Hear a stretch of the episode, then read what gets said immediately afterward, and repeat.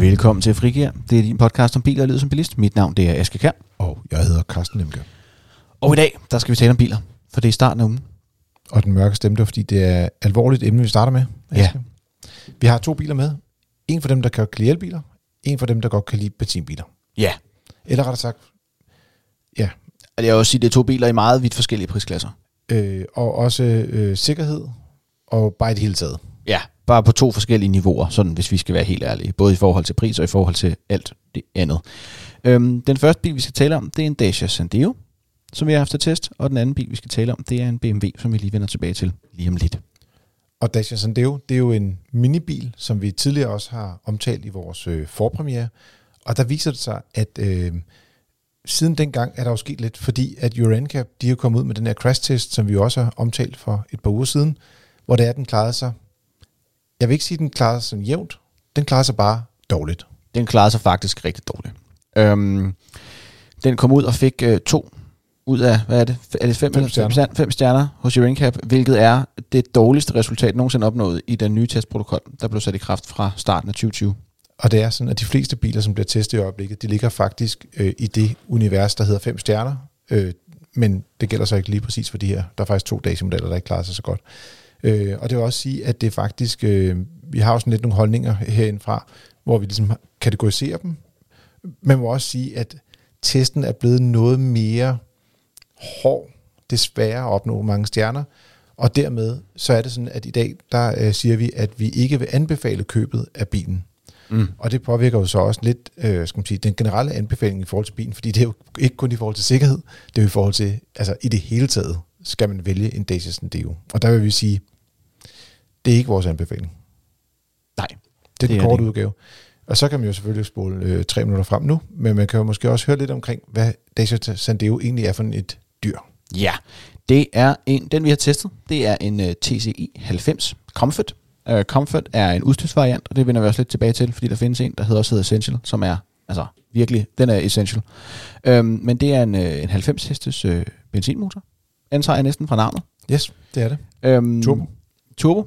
Den, den kører øh, 18,9 km på en liter benzin, i snit ifølge WLTP. Øh, og så koster den den nette sum af 136.990 kroner. Ja, så lige under kanten af 140.000. Ja. Og øh, det er en bil, hvor det er, at du har en øh, trykskærm i kabinen, og øh, du har en øh, 6-trins manuel gearkasse. Hold da op. Uf. Øh, og så er der øh, sådan hele betjeningen af den, er lidt ligesom, at man går 10 år tilbage i tiden. Der er ikke alt det der øh, fancy noget med, at øh, her skal ikke være nogen knapper. Sådan er det ikke i Dacia. Det kører bare, som vi kender biler dem, øh, som vi kender dem fra gamle dage. Tøffe, hvornår var den fra? Det var Det var for tre. fra 3 af. Det minder måske meget om en bil fra 2003, vil jeg sige. Den, den, den har lidt Ja. ja. tøffe-aner i sig. Så. Ja, ja, ja, ja. ja. Jamen, det var Så. dejligt. Der var et navigationsanlæg, men man skulle tilkøbe 14 CD'er. Ja, og der vil jeg dog sige, her der rykker det så en lige et spids frem med at have en trykskærm, hvor der er, du også har Apple CarPlay. Desværre i testbilen var der lidt udfordringer med øh, stabiliteten i systemet, hvilket gjorde, at den hele tiden hoppede frem. Så når man for eksempel gerne vil høre frigir, det er dejligt at høre lidt Mhm. podcast, så sprang den 5 sekunder ad gangen, og så hørte du sådan cirka halvandet sekund, så sprang den 5 sekunder igen. Og det gør det lidt svært at følge med i samtaler, vil jeg sige. Ja, og Android Auto kan den selvfølgelig også fint lege med. Yes. Så, men øh, Ja. jeg tror, det var en, en lille problem, der var lige på øh, den konkrete bil. Og øh, vi har i hvert fald haft en anden model øh, bagefter, og der har der ikke været problemer med CarPlay. Ja. En anden ting, der er ved den, som måske værd at nævne, det er, at den har tre års garanti. Det vil sige, at du får mere, end du normalt bare vil få via købelovens to års reklamationsret. Det er jo altid dejligt. Det er dog en garanti, der kun gælder op til 100.000 km. Men øh, så skal man også køre mere end 33.000 km om året. Det er alligevel en slat.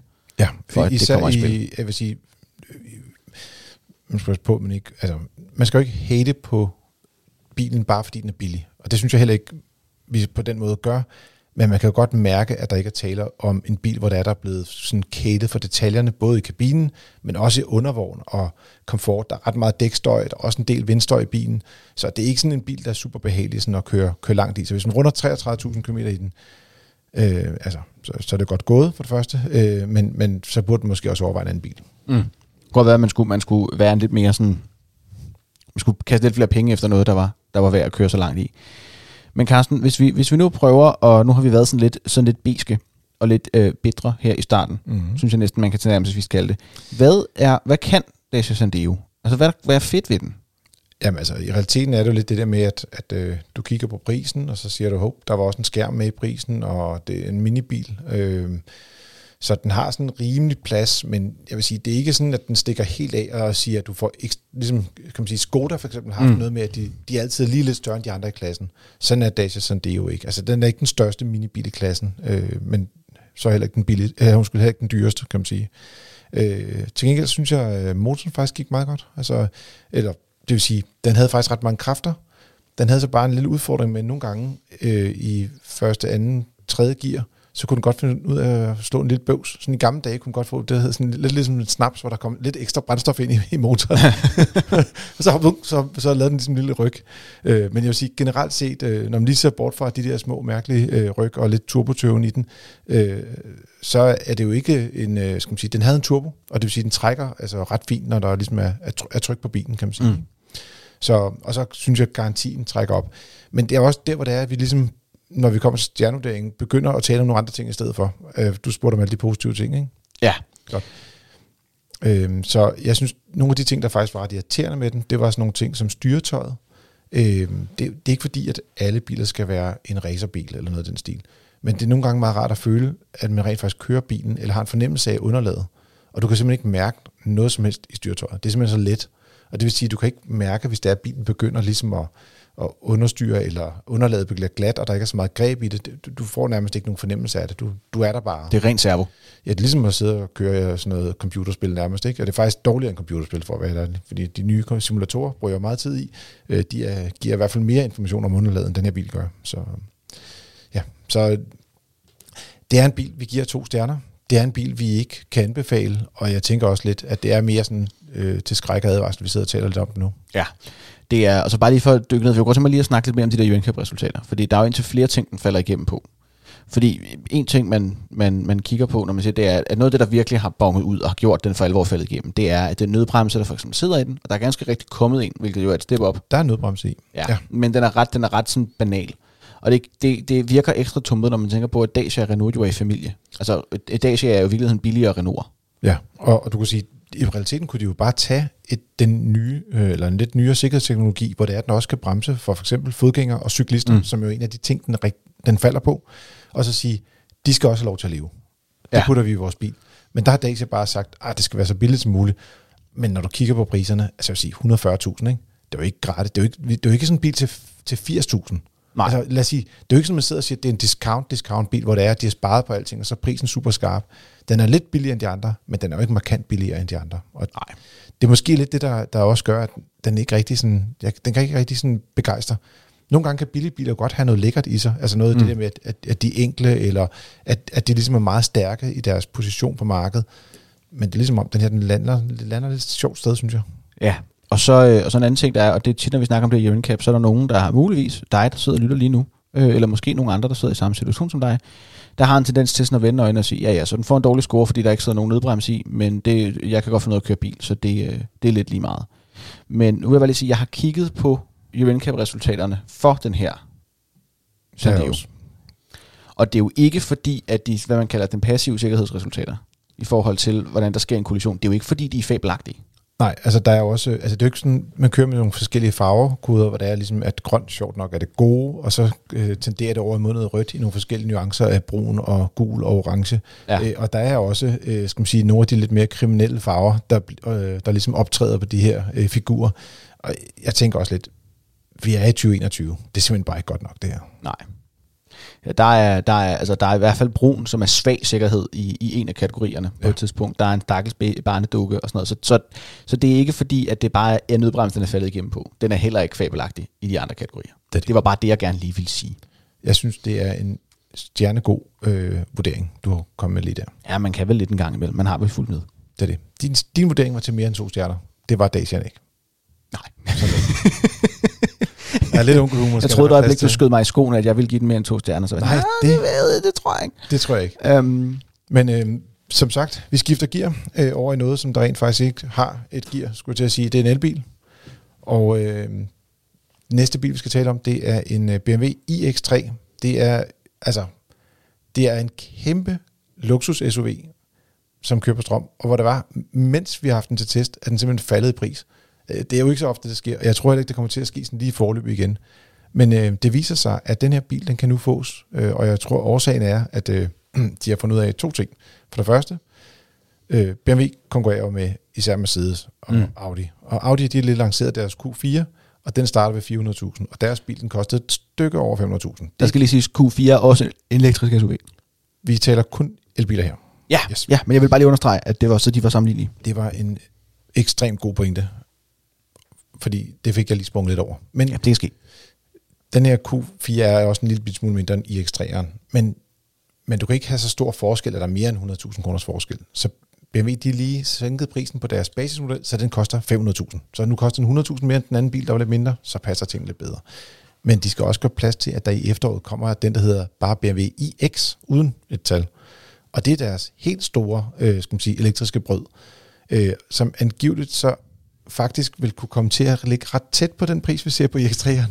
Og dermed blev de jo nødt til ligesom at differentiere de to modeller også. Så Ja. Den blev ligesom sandwichet sådan ned, og så blev de nødt til at finde ud af, hvor skal prisen nu ligge henad.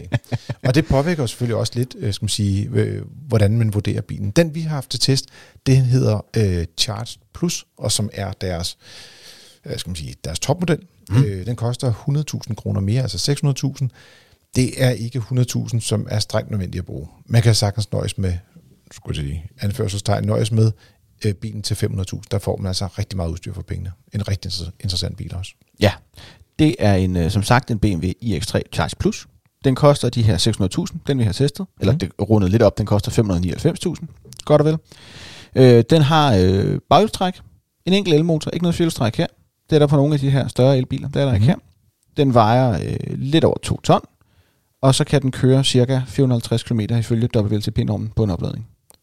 Men så har Søren også været ude at lave en rækkeviddemåling i bilen, Mm. hvor det viser, at med 110 km i timen, og skal lige sige 10 grader udenfor, fordi temperaturen betyder også noget for rækkevidden, der kunne den køre 360 km. Og det er faktisk ok. Altså det er ikke sådan blændende, men det er fornuftigt.